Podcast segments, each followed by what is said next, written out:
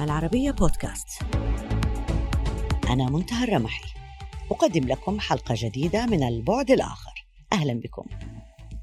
هذه أبرز ست نقاط لخص بها رئيس لجنة الإنقاذ الدولية ديفيد ميليباند الوضع في العالم عندما تحدثنا إليه في نوفمبر الماضي. ذكر أن هناك 54 نزاعا عبر أنحاء العالم. 100 مليون مشرد و55 مليون نازح بسبب النزاعات. 53 مليون شخص يتهددهم الجوع حالياً. في الصومال 213 ألف شخص يواجهون خطر الموت الوشيك بسبب المجاعة والجفاف. السودان يستضيف أكبر عدد من النازحين في القارة الإفريقية. وسوريا ضمن صدارة الدول التي تحتاج تكثيف التدخل الإنساني.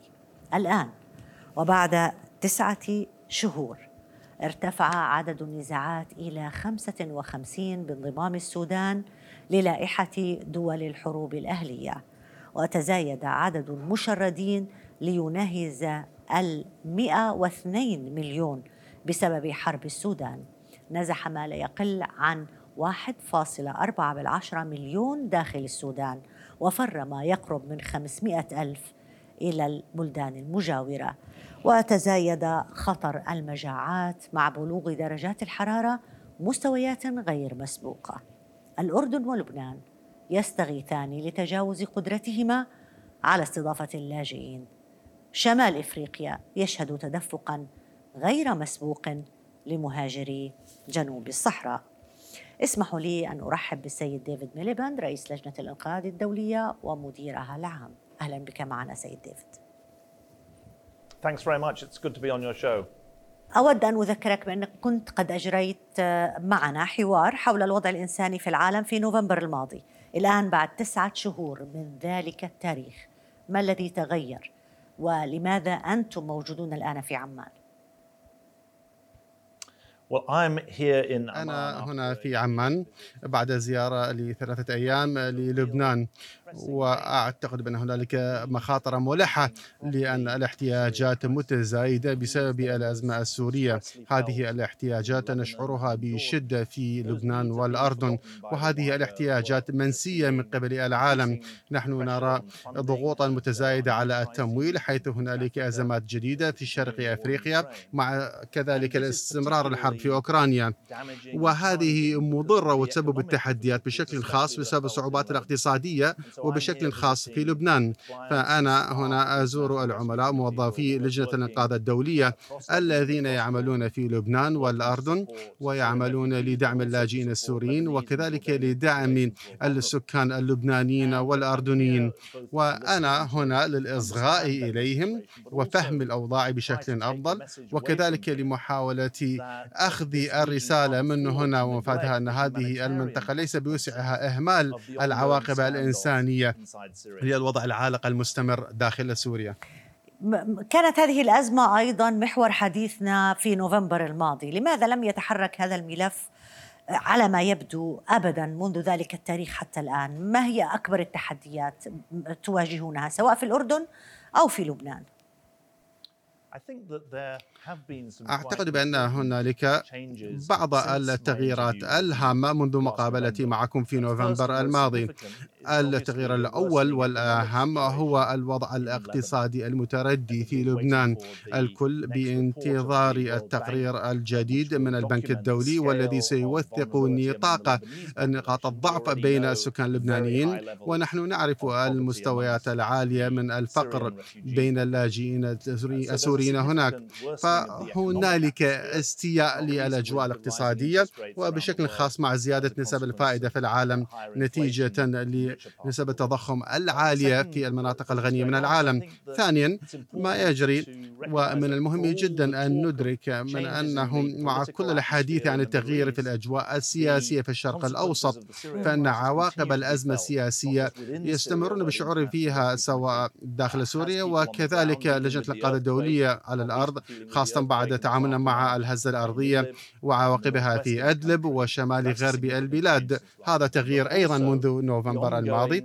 وكذلك الصعوبات المستمرة تشعرها تشعر بها دول مثل لبنان والأردن والتي لا تتلقى المساعدات الكافية لا من المنطقة ولا من المجتمع الدولي بينما يسعون لتحقيق التوازن بين احتياجاتهم وكذلك السكان الذين يستضيفونهم. فهذا هو الوقت المناسب لأخذ هذه الرسالة ومفادها أن الأزمة السورية لا يمكن أن تهمل وتدرج بين الأزمات الدولية الأخرى.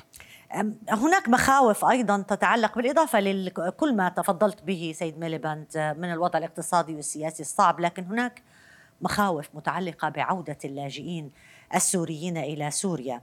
هل لمنظمتكم أي اتصالات على هذا الصعيد وكيف تنظرون إلى هذه المسألة تحديدا؟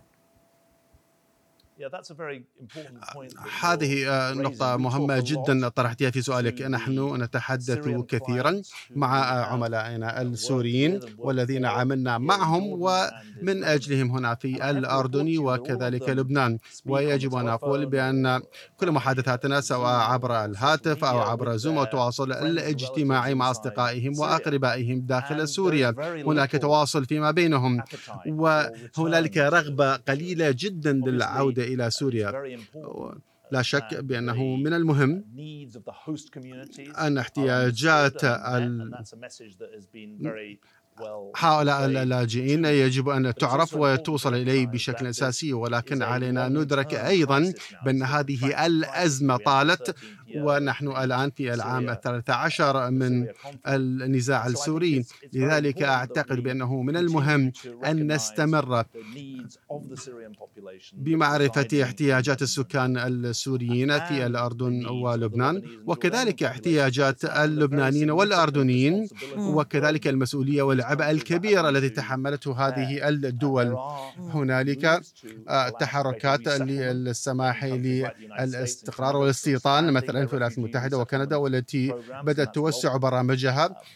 ولكن بلا شك نحن ندرك بكل حذر تحذيرات المفوضية الأممية للاجئين والتي تقول بأن إرسال أشخاص إلى مناطق الخطر لا يجب أن يؤخذ بنظر الاعتبار أو يفكر فيه. صحيح لكن يعني أشرت في حديثك لمسألة التضخم ول ظروف جديدة تطرأ على المستوى العالمي تعقد الوضع الاقتصادي على مستوى حتى الدول الغنية وليست الدول الفقيرة، هل هذه هذه إشارة يعني قد نفهم منها بأنه في سلبية في التعاطي مع هذا الملف. أصبح مؤجل لصالح ملفات أخرى أقصد ملف اللاجئين السوريين في الأردن ولبنان تحديدا. لا أعتقد بأننا نأخذها على أنها تلميحات ولكن من الواضح جدا إذا ما نظرنا إلى الحقائق والأرقام. أن هنالك ضغط كبير جدا على الموارد التي كانت تأتي من الأوروبيين والأمريكيين إلى هذه المنطقة لدعم الجهود الإنسانية. هذه الموارد بدأت تتلاشى من كافة تلك الدول وهذا بدأ يفرض ضغطا حقيقيا على النظام. أنتم تعرفون بأن برنامج الغذاء الدولي أصدر تحذيرات حول تقليل مستويات مخزون الأغذية و نتحدث عن مثل منظمة نحن نعمل على مساعدة الأشخاص الإسهام لتحسين الاقتصاد ودعم تعليم الأطفال واحتياجات المرأة. ولكن الطعام هذا السؤال لا يجب أن نعتمد على تلميحات فهنالك حقائق وأرقام واضحة.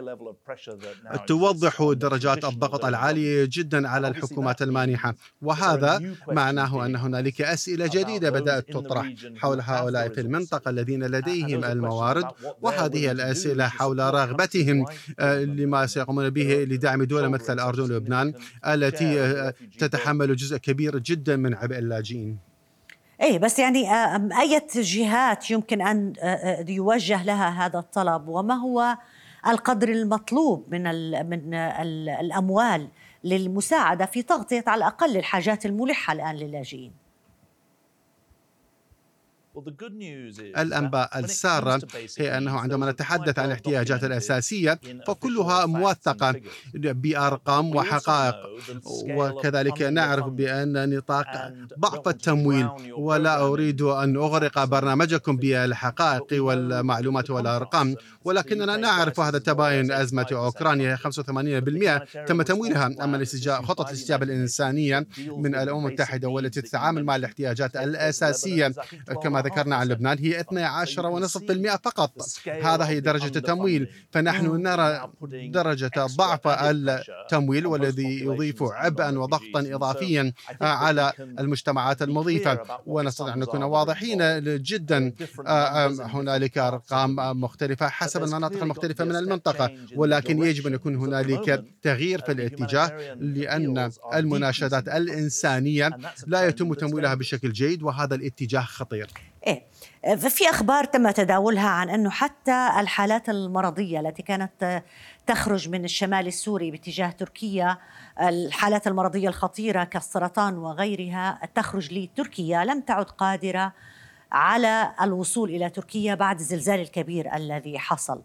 هل هذا من ضمن الحاجات الملحة الآن المطلوب من الأسرة الدولية ومن دول المنطقة أن تتدخل فيها أم أن هناك حاجات أهم ربما يكون الطعام ربما يكون التعليم وغيرها. ما هي أهم الحاجات؟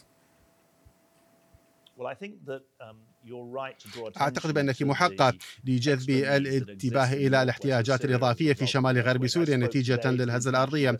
تحدث اليوم مع فريق لجنة الإنقاذ الدولية لدينا 400 موظف تقريبا في شمال غرب سوريا. ما قالوه هو أنه أولا هنالك احتياجات بسيطة وأساسية للمياه والغذاء والطهارة. وجزء منها موجودة بسبب التكلفة العالية للغذاء ولا يستطيعون تحمل ثمنه.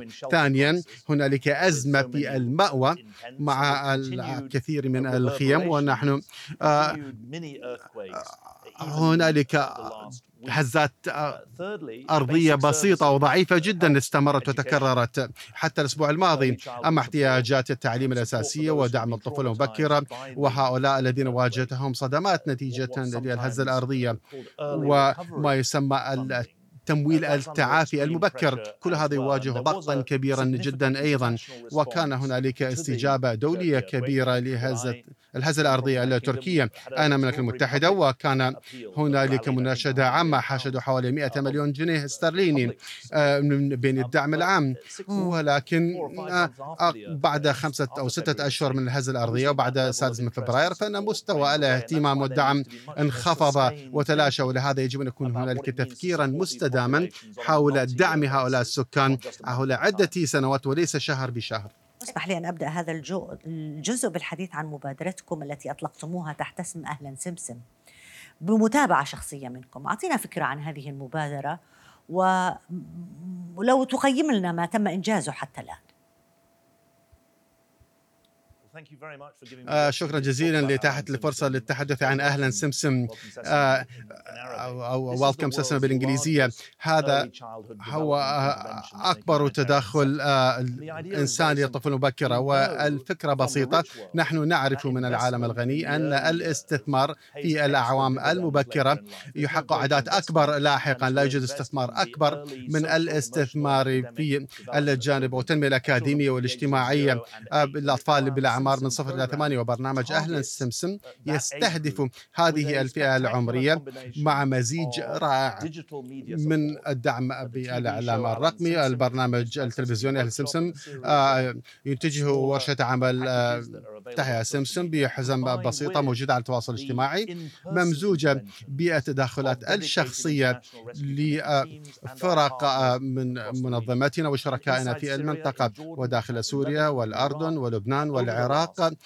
عبر الأعوام الأربعة الماضية. مليون ثلاثمائة ألف شخص تواصلنا معهم شخصيا مع هؤلاء الذين يوفرون خدمات مباشرة من قبل لجنة الإنقاذ الدولية و23 مليون شخص أو طفل والمهتمين معتنين بهم. انخرطوا معهم عبر المسلسلات التلفزيونية فأهلا سمسم هو ليس فقط أكبر برنامج تدخل لتنمية الأطفال بل الآن حدد المعيار الذهبي التدخل عند الطفولة المبكرة ومن قبل جامعة نيويورك هناك دراسة أظهرت أنه بعد 11 أسبوعا من جزء واحد من برنامج أهلا سمسم فحقق ما يساوي عمل سنة كاملة من رياض الأطفال. ونحن متشجعون جدا ليس فقط من خلال نتائج بل حقيقة أن الحكومات في الأردن ولبنان والعراق عبروا عن اهتمامهم بالإستمرار بهذا البرنامج ولا شك بأننا ننوي كشراكة بين لجنة الإنقاذ الدولية وورشة عمل سمسم نستمر بلعب الدور لدفع جودة وكمية برنامج أهلا سمسم. ولو ناشدتم عبر مكاتبكم وبرنامجكم هؤلاء وكل من يتابع هذا البرنامج يسمعون عن المعاناة في الشرق الأوسط.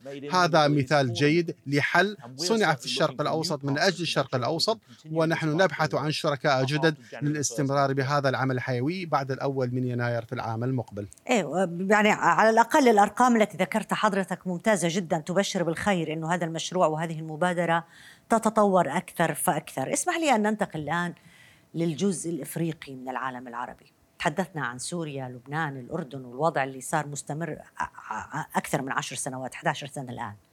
السودان. لما أجرينا اللقاء معك في نوفمبر الماضي كان السودان وقتها أكبر بلد يحتضن لاجئين في القارة الإفريقية. الآن اختلف الوضع أصبح جزء كبير من السودانيين أنفسهم لاجئين بعد اندلاع الحرب في السودان هل من خطة عمل طارئة للتعاطي مع الوضع هناك؟ لا شك بأن الوضع طارئ هناك والوضع تفاقم ليس فقط بسبب القتال والنزاع داخل السودان. آه، والذي آه، هو مستمر وكذلك تفاقم بسبب نهاية اتفاق الحبوب البحر الأسود كما تعرفون في شرق أفريقيا وشمال أفريقيا تعتمد بشكل خاص على الصادرات الحبوب الأوكرانية والروسية آه، لجنة الإنقاذ الدولية لدينا فرق على الأرض في السودان وتشاد وجنوب السودان وما نراه.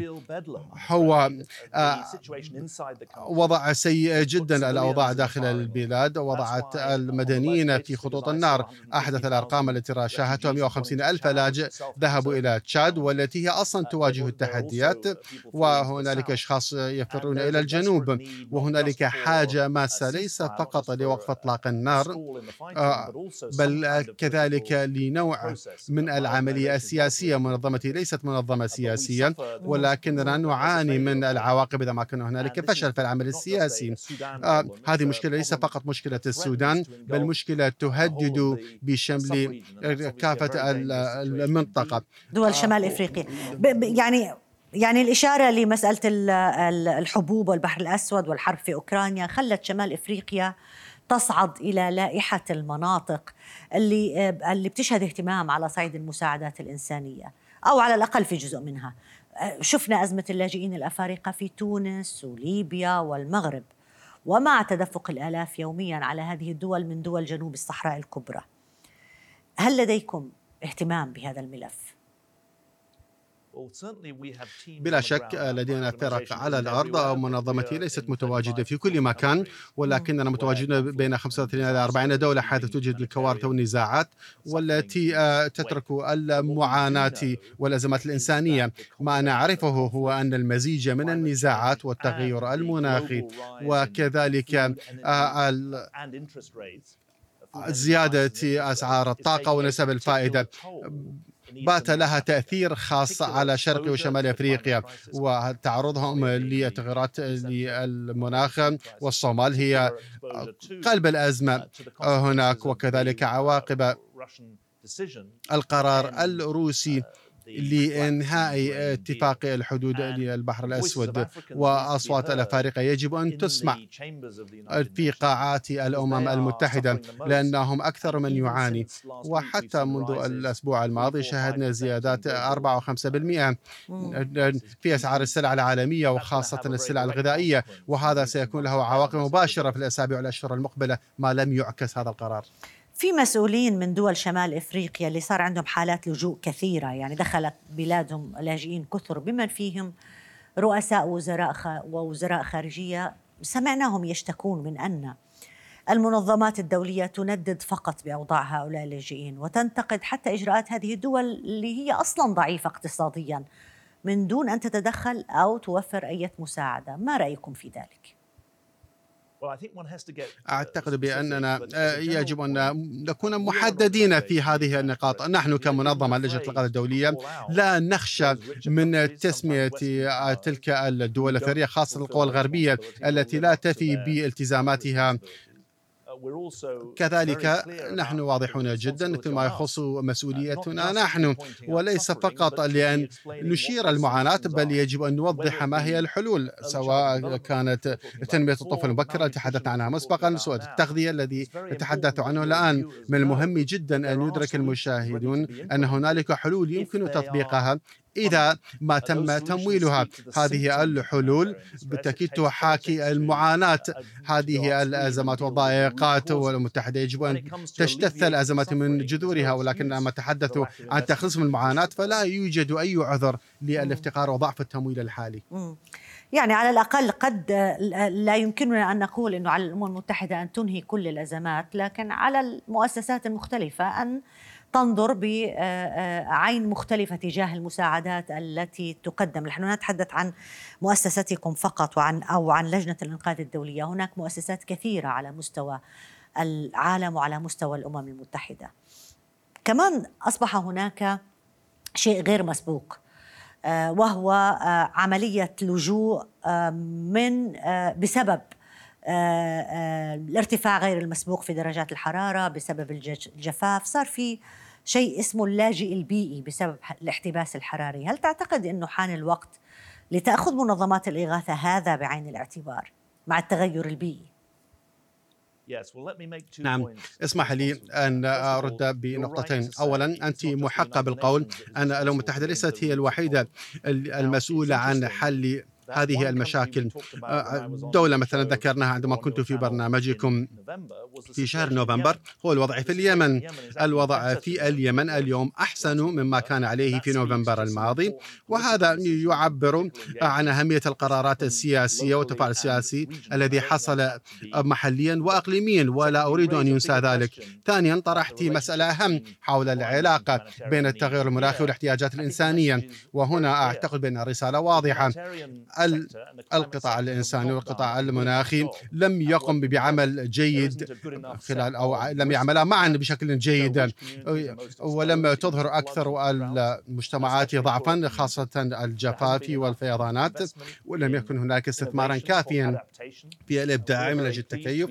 نحن سعداء جدا لأن نجرب أنواع جديدة من إجراءات تعزيز البذور في شمال آه، سوريا. وهذا نوع من إجراءات التكيف الضرورية في وجه التغير المناخي ثالثا يجب أن يكون هنالك آليات توصيل جديدة. كنت أحدث مع البنك الدولي في لبنان يوم أمس حول المؤسسات المالية الدولية وكيف يجب أن تتحرك خارج عن التعامل فقط مع الحكومات والبنوك المركزية. يجب أن تعمل مع المجتمع المدني. وقد سررت أنه بعد الهزة أو التفجير للمرفأ مرفأ بيروت. فحصل هنالك شراكة هامة بين البنك الدولي ولجنة القادة الدولية ونحن بحاجة للمزيد من ذلك. ولكن أخيرا وبينما نفكر في تمويل الأزمات الإنسانية فيجب أن نفكر بما يسمى التمويل المناخي. وهذين العالمين العالم الإنساني والعالم المناخي يجب أن يجتمعا معا وتكون العلاقة بينهما أقوى. المؤتمر الأممي الذي تستضيفه أبو ظبي في شهري نوفمبر وديسمبر هو فرصة مثالية لتحقيق ذلك وفرصة للمنطقة لأن تظهر بأنها تدرك الحاجة لأعمال سياسية وتوجهات سياسية جديدة. آه الحقيقة في مفارقة كبيرة عندما نتحدث عن الدعم الإنساني والعمليات اللجوء والفقر والوضع الاقتصادي الصعب تتحدث بعض الدول عن مساعدات وبخجل. بينما نرى سخاء كبير على مستوى الأسلحة وعلى مستوى تقديم السلاح ما يحدث في أوكرانيا مثلا من بقابل من الدول الغربية كيف فيك تفسر لي هذه المفارقة؟ أعتقد بأن ما يحصل في أوكرانيا هو قضية أو حالة مثيرة جدا. أنت محقة هنالك إنفاقات عسكرية كبيرة جدا هناك ولكن أيضا هنالك إنفاقات إنسانية كبيرة. ذكرت الإحصائية بأن 85% من المناشدات الإنسانية في أوكرانيا تم الإيفاء بها وعندما تحدث عن أوكرانيا فهذا يظهر أنه من الممكن معالجة الاحتياجات الإنسانية وتحقيق الأهداف إذا ما كانت هنالك رغبة سياسية. فالسؤال الآن هو أين نجد هذه الرغبة السياسية لمعالجة الاحتياجات الإنسانية في هذه المنطقة؟ هنالك مانحين تقليديين ولكننا بحاجة إلى مانحين جدد من المنطقة من يعملون على ذلك. فهذا السؤال يجب أن يطرح بكل حذر ولكن ما يحصل في أوكرانيا يظهر أهمية هذا الأمر. يعني في الدول المنطقة أيضا هي تلتفت للتنمية الآن يعني لا يمكن مقارنتها بالدول الغربية المتقدمة التي تدفع كثيرا وبسخاء على السلاح وعلى الإجراءات العسكرية. سيد ديفيد ميليباند رئيس لجنة الإنقاذ الدولية ومديرها العام شكرا جزيلا لك على هذه المقابلة. ألف شكر. إلى هنا مشاهدينا الكرام تنتهي حلقة اليوم من البعد الآخر. يمكنكم دائما متابعتنا على مواقع التواصل الاجتماعي تويتر فيسبوك ويوتيوب إلى اللقاء.